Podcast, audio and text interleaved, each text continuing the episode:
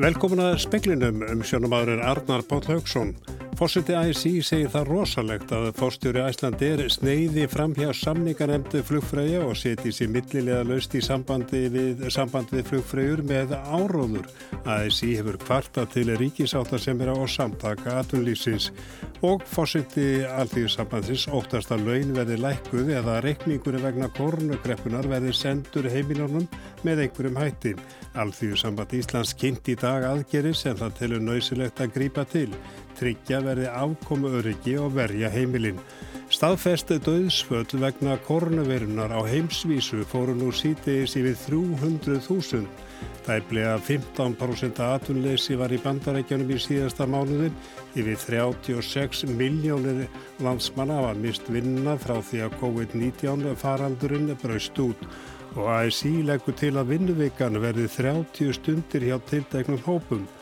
Tún á norðausturlandi eru víða illafarin af kali. Alþýðsambandið hefur gert aðdóðsendur við framgöngu fórstjóra Æslandi er í brefaskriftum við frugfröður félagsins og kom aðdóðsendum á framfæri við ríkisáttasemira og samtök atunlífsins í gær. Forsvarsmenn sambansins eru ósáttir við að bóji Níls Bógarsson, forstjóra Íslandir, setti sig millilega löst í samband við félaga í flugfregi félagi Íslands eftir að samningar nefnd hafnaði tilbóðið Íslandir. Drífa Snædal, forseti Alþjóðsambands Íslands, lýsir óanægi með framgöngu forstjórans. Það er náttúrulega rosalegt þegar forstjóra Íslandir fer fram hjá kjörinni samninganemnd félagsmanna og beinir sér beinta félagsmönnum með í rauninni áróður byrja tilbúð sem að lagt var á samningaborði sem var búið að hafna í gegnum félagslegt ferli og þetta er, þetta er rauninni lítisverðing við samninganemnd uh, eh, flugfröðufélagsins, félagslega kjörnastjórn og í rauninni félagsmenn flugfröðufélagsins alls að ganga svona freklega fram hjá þeim vinnureglum sem gilda í kjærasamnisviðröðum. ASI sendi ríkisáttasemjara og samtökum aðtunulífsins bref í gerðkvöld þar sem aðtúasemdir voru gerðar við framgöngu forstjóra Íslandir. Og við treystum því að bæði ríkisáttasemjara og samtöku aðtunulífsins leggji að sínum fólki að virða reglur. Þetta var Drífa Snædal, Kristján Sigur Jónsson tók saman. Alþjóður samband Íslands vil að greipi verið þegar í stað til bráða aðgera til að tryggja atvinnuöryggi og verja stöðu heimilana. Sambandi vill að hlutabótakerfið verði virt svo lengi sem þörfur á því. Einni að húsnæðisbætur verði hækkar og grunna atvinnuleysisbætur hækki í 335.000 krónur. Þá vil að sí að ef ofinber stuðningur við fyrirtæki fer yfir 100 miljónir, egnist er ríki hluti viðkomandi fyrirtæki. Tilugur að sí eru ræða framundur yfirskriftinni rétta leiðin frá kreppu til lífskeiða. Drífa Snædal fórsvitaði sí segir mikilvægt að bjóða upp á einhverja framtíðar sín upp úr kreppunni. Við erum náttúrulega búin að vera í tölvöru viðbröðum núna, eh, tryggja bara lífsákomum fólks frá degi til dags eh, en með því að eh, kynna hérna rétta, réttu leiðina að þá eru við líka að bjóða upp á hvernig samfélag við viljum byggja upp úr, úr þessari kreppu. Bæði varðandi lífsgæði, afkomu öryggi og ekki síður hvernig atvinnu uppbyggingu við viljum einblýna á til framtíðar. Þetta var drífa Snædal. Staðfesti döðsföll vegna koronaveirunar á heimsvísu fóru nú sítiðis yfir 300.000. Ekkir búist við því að þróun bóluefnis beri áranguru fyrir í fyrsta lagi um mitt næsta ár. Alþjóða helbriðistofnunin varaði við því í gæra að COVID-19 sjúkdómurinn væri komin til að vera og gæti jafnvel orðið viðvarandi eins og HVV hefur verið í ára tíi. Mótefna mælingar eru hafnar í fjölmörgum ríkjum en þær eru skamt á vega komnar og einni þróun bóluefnis. Alls eru á annað hundrað bóluefni til skoðunar en Evróska lifi eftirlitið á ekki vona á að neitt þeirra verði brúklegt fyrir í fyrsta lagi næsta sumar. Lífjarísar keppast nú um fórustuna en tvö af stærstu lífjafyrirtækjum heims, GSK og Sanofi, eru komin einna lengst. Forsvarsmenn franska Livierisans Sanofi sögðu í gær að bæru rannsóknir og þróun þeirra bóluefnis árangur fengju bandaríkjumenn fyrstir að njóta afrastursins því þeir hefðu stutt rannsóknirnar fjárháslega. Þetta vakti mikla reyði víða meðal annars innan Európusambassins sem sapnaði næri 8 miljardum evra á dögunum til rannsókna á bóluefnum sem bandaríkjastjórn vildi ekki koma að. Edvard Filip, fórsættis ráð þeirra Frakland, segir ekki til umræðu að ríki geti borgað til að komast fram fyrir röðina. Þróun bóluefna tekur yfirleitt mörg ár en takist lifjafyrirtækjunum það innan árs vilja frakkar að allir fáið að njóta ávakstana, burt sér frá því hversu mikið fyrir þeir lögðu til rannsókna. Bjarni Bittur Jónsson saði frá. Samningafundi landsambands lauruglumanna og samninganemnda ríkisins laugur sítiðis án samkómulags, annar fundur hefur ekki verið búðaður. Snorri Magnússon, formadur landsambands lauruglumanna, saði í samtali við fréttastofum að viðraður gengi mjög hægt. Samninganemndin hyggst ræða við stjórn landsambandsins á morgun um það sem framfór á fundunum í dag. Framaldi verið metið af því loknuð. Tún á norðausturlandi eru víða illa leikin eftir veturinn. Bóndi í Svarfaðadal sér fram á alltaf 30 miljóna króna tjón vegna kals í túnum. Ráðgjafi jarðrækt segist ekki að séð jafn mikla skemmtir í 40 ár. Guðmundur Helgi Gunnarsson, ráðgjafi í jarðrækt, býr á Möðruvöllum í Hörgárdal.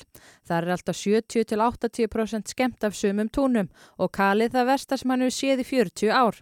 Hann sé líklegt að fyrsta svellið hafi myndast í óveðrunu mikla í desember.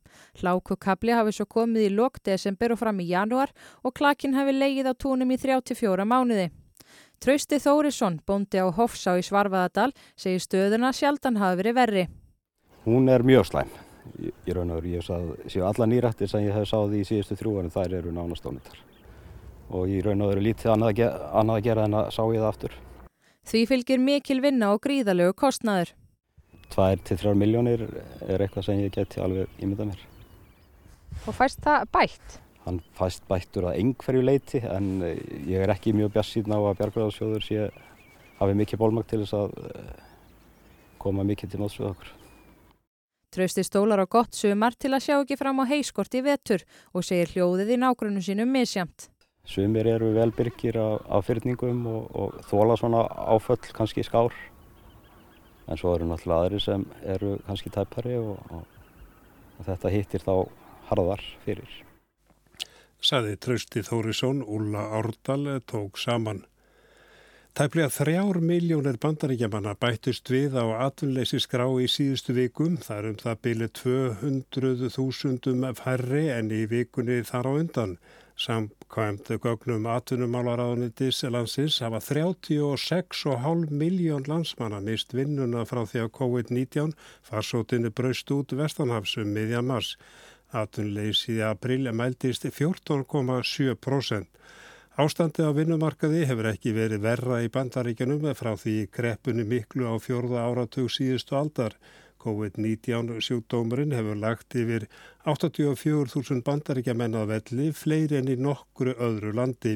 Stjórnvöldi í nokkrum borgum og ríkjum íhuga slaka á aðgerðum sem ætlað er að hefta útbreyslu koronaveirunar. Sérfræðingar í sótvörnum vara við því. Slíkt geti gert ástandið enn verra. Ný ríkisjórn í Ísraeli tekur ekki við völdum í dag eins og til stóð. Ágreiningur er innan líkutu flóksins með skipan í ráþæra ennbætti og ennbættistöku verður því frestað til sunnudags. Tilstáða Benjamin Netanyahu fórsættis ráþæra kynnti ráþæra lista líkutu flóksins klukkan 6 í kvöldað staðartíma. Ágreiningur innan flokksins var til þess að hann var að byggja Benny Gantz, leðtúa bláhvítabandalagsins, hins stjórnarflokksins, að fresta því til sunnudags að ráð þeirrar nýju stjórnarinnar sverji ennbætti segð. Gantz varð við beðninni að því er kemur fram í sameinlegri yfirlýsingu begja flokka sem var sendt út í kvöld. Að sögn Jerusalem Post eru hinnir væntanlegur á þeirrar líkutu ósáttir við ráðuneytin sem þeir fá til um ráða. Einnig hafa þeir kvartaði yfir því að flokkurinn fái færri ráðunetti í stjórninni en búast mátti við. Tver þeirra hvaðust jafnvel ekki ætlað að verða viðstattir í þinginu í Jérúsalem þegar atkvæðagreisla fer fram um trösts yfirlýsingu á nýju stjórnina. Annar þeirra skrifaði á samfélagsmiðlum að nærfuru sinnar væri greinilega ekki óskað. Jérúsalem Post hefur eftir í æri lapið til auðtóa stjórnarandstöðunar að tíðindin þurfu ekki að koma óvart eftir allan vandraðagangin sem stjórnarmynduninni fyldi. Áskir Tómasson sæði frá og samningafundið að sáttafundi í kjaratölu hjúgrunafræðing og ríkisins laug nú fyrir skemstu án árangus og annar fundur hefur ekki verið bóðaður eða hefur verið bóðar á mánudag. Rétta leiðin frá kreppu til lífsgæða og öryggis fyrir okkur öll er yfirskrift á tillugum og leiðum sem að Alþýðsamband Íslands er kynnt í dag. Aðgerðanum er skipti í bráða aðgerðir, uppbyggingu til framtíðar og eftirfylgni. Efstoflaðim þegar kemur að bráða aðgerðum er að bjerga mannslífum. Heilbriðistjónustunni verði tryggður aðbúnaður til að halda áfram öflugum vörnum gegn COVID-19. ASI leggur áhersla á afkomu öryggi og að verja heimilinn. Lagti til að bóði verðu upp á hlutabætur þar til að ekki er lengur þörf á þeim. Grunn atunleysisbætur verði hækkar úr 290.000 krónum á mánuði í 335.000 og að tímabili tekjutengdra atvinnleysisbóta verði lengt úr þremur mánuðum í sex, einni að greiðstur vegna barna verði hækkaðar. Fjölmarkar aðrar tilugur eru lagðað fram, meðal annars að greiðslu frestir verði tryggðir vegna lána og lánstími lengtur sem nemur frestun af borgarna. Alþjóðsambandi vill að skiliði verði sett við stuðning við fyrirtæki. Í aðgerðin sem lúta því kemur meðal annars fram að þróaður verði leiði til að vinnandi fólk öðlust hlutild í hagnaði fyrirtækja vegna hagraðingar og tæknibreitingar. Einnig að fyrirtæki verði lagalega skilt að geta staði undir þryggja mánuða launakostnaði áður en þau greiða út arð. En finnst þið drífu snædal að fórseta í sí raunhæft að krefjast hækkunar á húsalögubótum og atvinnleysisbótum við núverandi anstæður? Já og það er eiginlega bara nöðsilegt á þessum tímum að tryggja afkomur ekki fólks því ef við gerum það ekki að þá verður þessi kreppa dýpri og erfiðari heldur en það þarf að vera. Undir hvað eru þið raunverulega að búa ykkur? Hefur við ekki séð nema toppin á Ísjakanum? Uh, við náttúrulega veitum ekki alveg hvernig fer og auðvitað eru töluverð óvisa í kortunum uh, og spár og það sem heitir reyndar núna þessa dagana sviðsmyndir uh, breytast frá degi til dags. En við veitum það hins vegar að þau verkefni sem við sáum fyrir okkur næstu árin varðandi lofslagsbreytingar og viðbröfið þeim og tækni nýjungar þau verkefni eru komin í fangið okkur núna.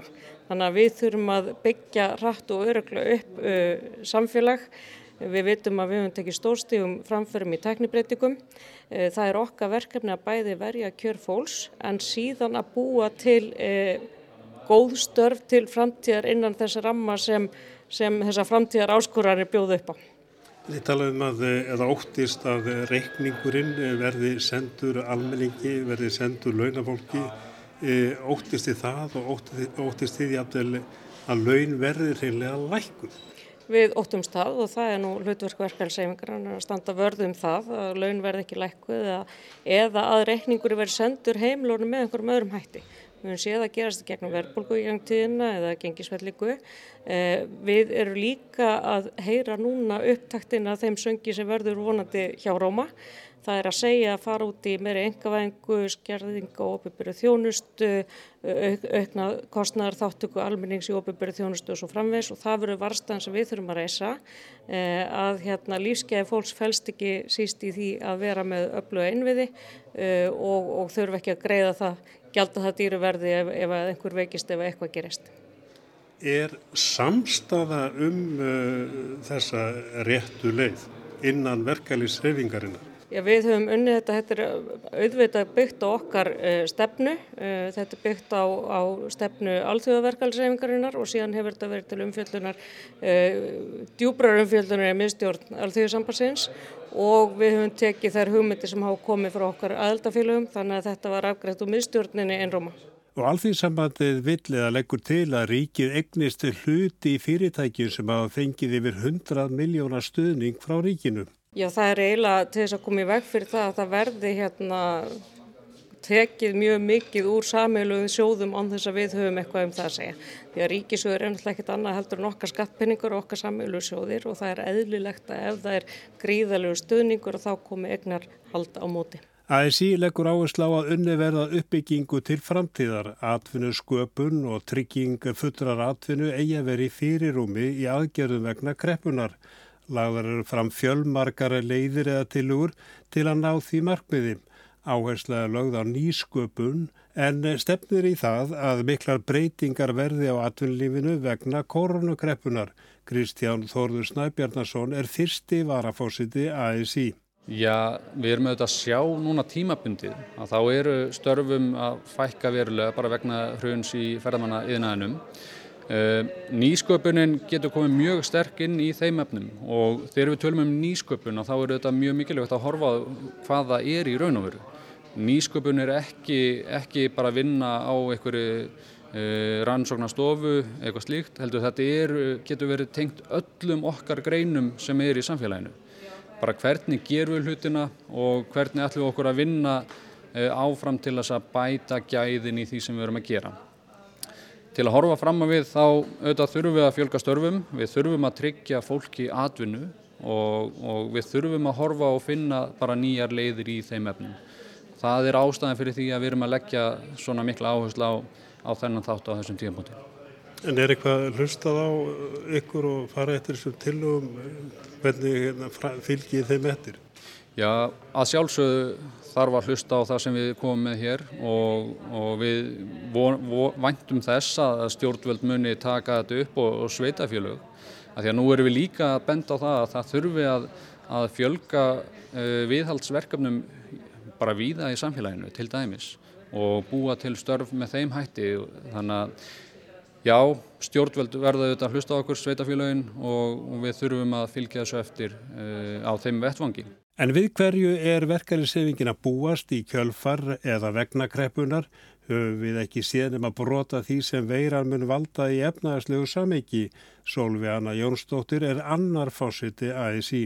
Ég held að við séum einmitt, um, eigum eftir að sjá hvernig þetta spilast út. Og ég náttúrulega sem formaður í um, félagi verkefaláluna fólks sem að um, stór hluti af hefur starfað í þessum um, ferðabransa hefur þetta mjög miklar áhyggjur af því hvað verður um allt þetta fólk. Og þess vegna til dæmis hef ég mjög mikinn áhuga á því að sjá að þið ofinbera fari í mikla innviða uppbyggingu og hérna, skapi raunverulega störf og þá ekki bara í þessu hefbundna hérna, vega, gerð, brúar, smíði og öllu því sem að fólki dettur í hug heldur um, uppbyggingu innan umununarkerfan okkar, velferðarkerfana. Um, ég ætla bara til dæmis að taka sem dæmi kona sem hefur starfað sem hótelferna uh, er nú atvinnulegs um, og það væri mjög, mjög gott ef að þessarar konu byði um, vel launað starf inni í umununarkerfinu þar sem að hún byggja við atvinnuöryggi. Um, ég tala nú ekki um ef við getum jafnframt farið í um, alvöru styttingu á vinnuvikunni. Um, þarna sé ég bara sem svona málsvari þessa hóps mjög mikil tækifæri. Ekki bara fyrir þá þessar manneskjur, heldur fyrir allt samfélagið. En það þarf fyrirtæki til að afla peninga? Já, ég held að það sé nú enginn komin á þann stað að sjá fyrir sér að öll fyrirtæki hverfi. Í lífskjærasamningnum er gert ráð fyrir stýttingu vinnuveikunar í 36 stundir. ASI leggur til að dagvinnutími verði stýttur í 6 klukkustundir hjá ákveðnum hópum nái til þeirra sem er undir meðal grunnlaunum og vergi meirinn 70% af tíma sínum í líkamlegt erfiði eða er í nánu sambandi við skjólstaðinga sína. Já, við höfum tölur að ágjöra því og það er nú einna lærdóman frá síðustu kreppu eh, að það eru ákveðna stjætti sem fara í kulnun sem er gert að hlaupa hraðar, meira álag á og, og þetta höfum við séð bara á örörsku. Þannig að til þess að vera ekki að, hvað maður að segja, kannski ósmællegt orðalega framleiða öryrkja framtíðarinnar e, að þá hérna þarf að létta á ákveðnum stjættum og það er best að gera það með stýttingu vinnuvikunar.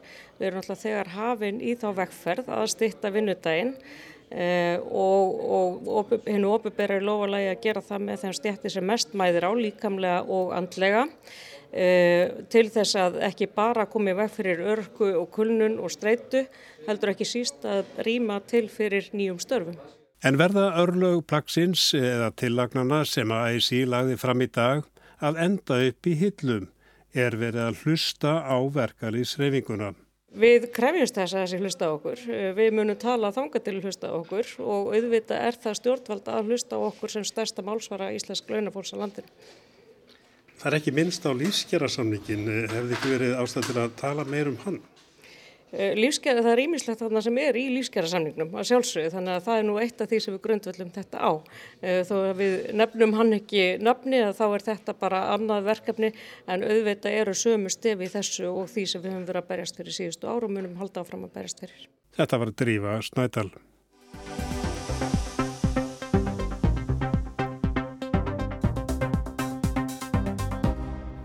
Fá korunveru smitt hafa komið upp á sambílum og búsetu kjörnum á Íslandi. Þetta leiti eftirgrenslan að landsamtaka þroskahjálpar í ljós. Lokanir og skerðing þjónustu bytnuðu þó bæð á föllum og aðstandendum þeirra. Móður þroskaskers úlingspils segir að í tvær vikur hafi öllu þjónust að dottið út. Sá tími hafi verið nánast óyfir stígalegur. Svörfi fyrirspunn landsamtakana þroskahjálpar benda til þess að fá smitt hafi komið upp og meðal fallara. Við erum ekki búin að fá endanlegt svar, það er enn í vinslu en það er komið svar frá tjón sveitafélagum og það lítur út fyrir að það hafi engi strýr einstaklingar smitast. Ég verði enda grunum að sé aðeins fleiri að því að vandar inn í engaðilana. Segir Bryndis Snæpustóttir formaður Þróskahjálpar. Það kom upp eitt smitt í íbúðakjarna í Reykjavík að lokinni spítalavist var einstaklingnum syndi eigin íbúð.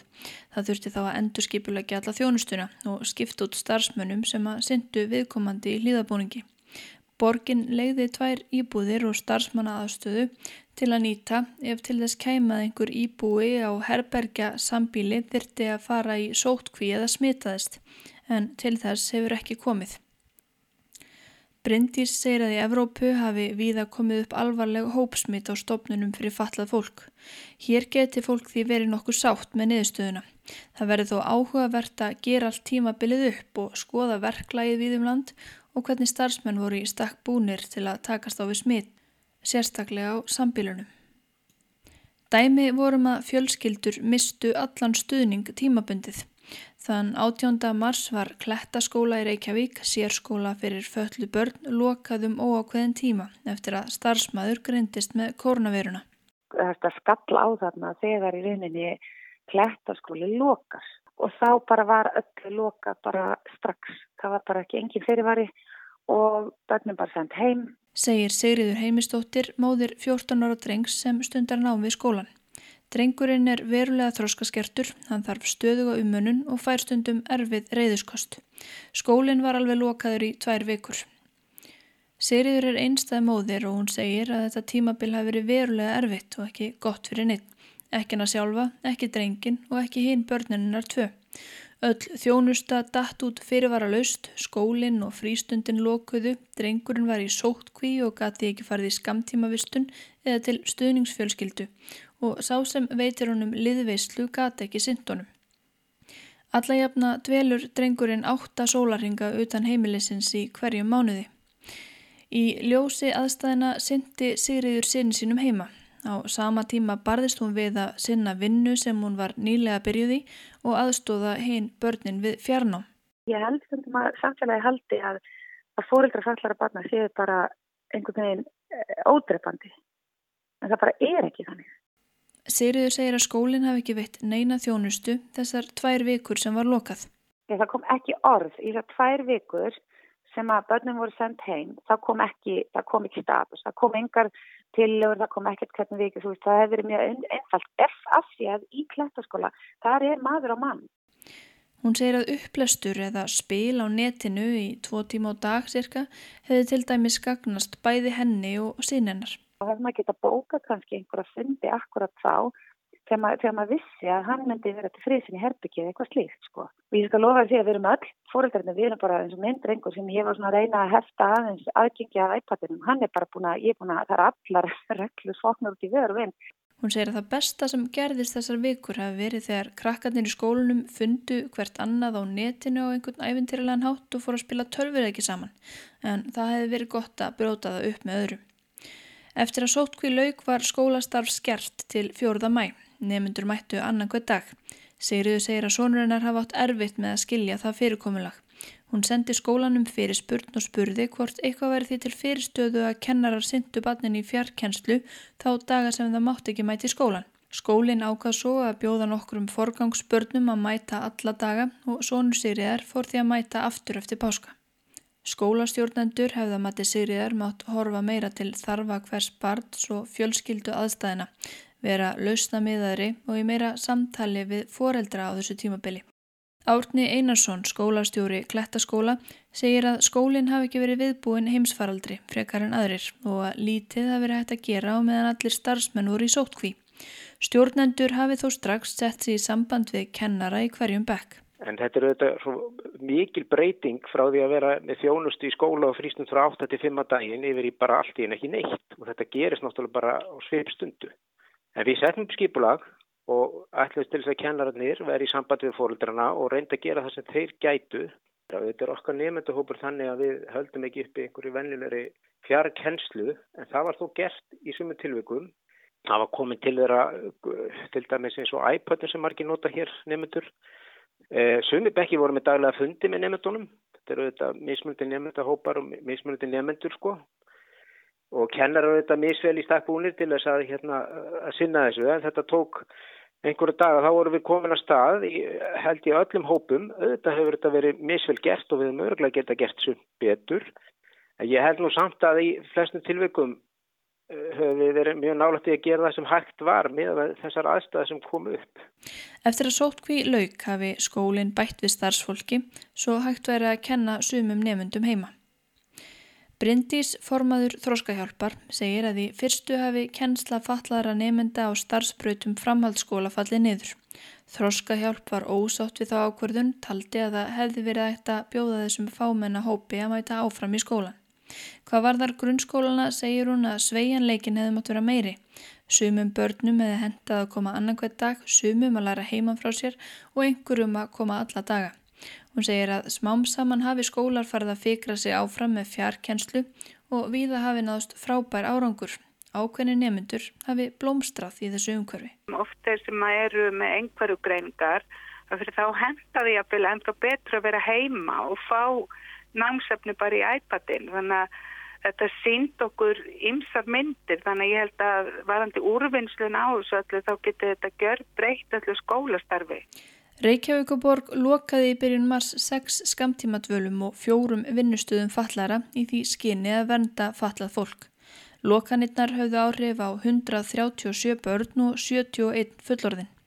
Starfsmenn syndu þeim sem vildu heima en þjónustan var enga síður skert og skerðingin reyndi á marga. Sumir afþökkuðu þó alla þjónustu til að takmarka smittættu þessu tímabili.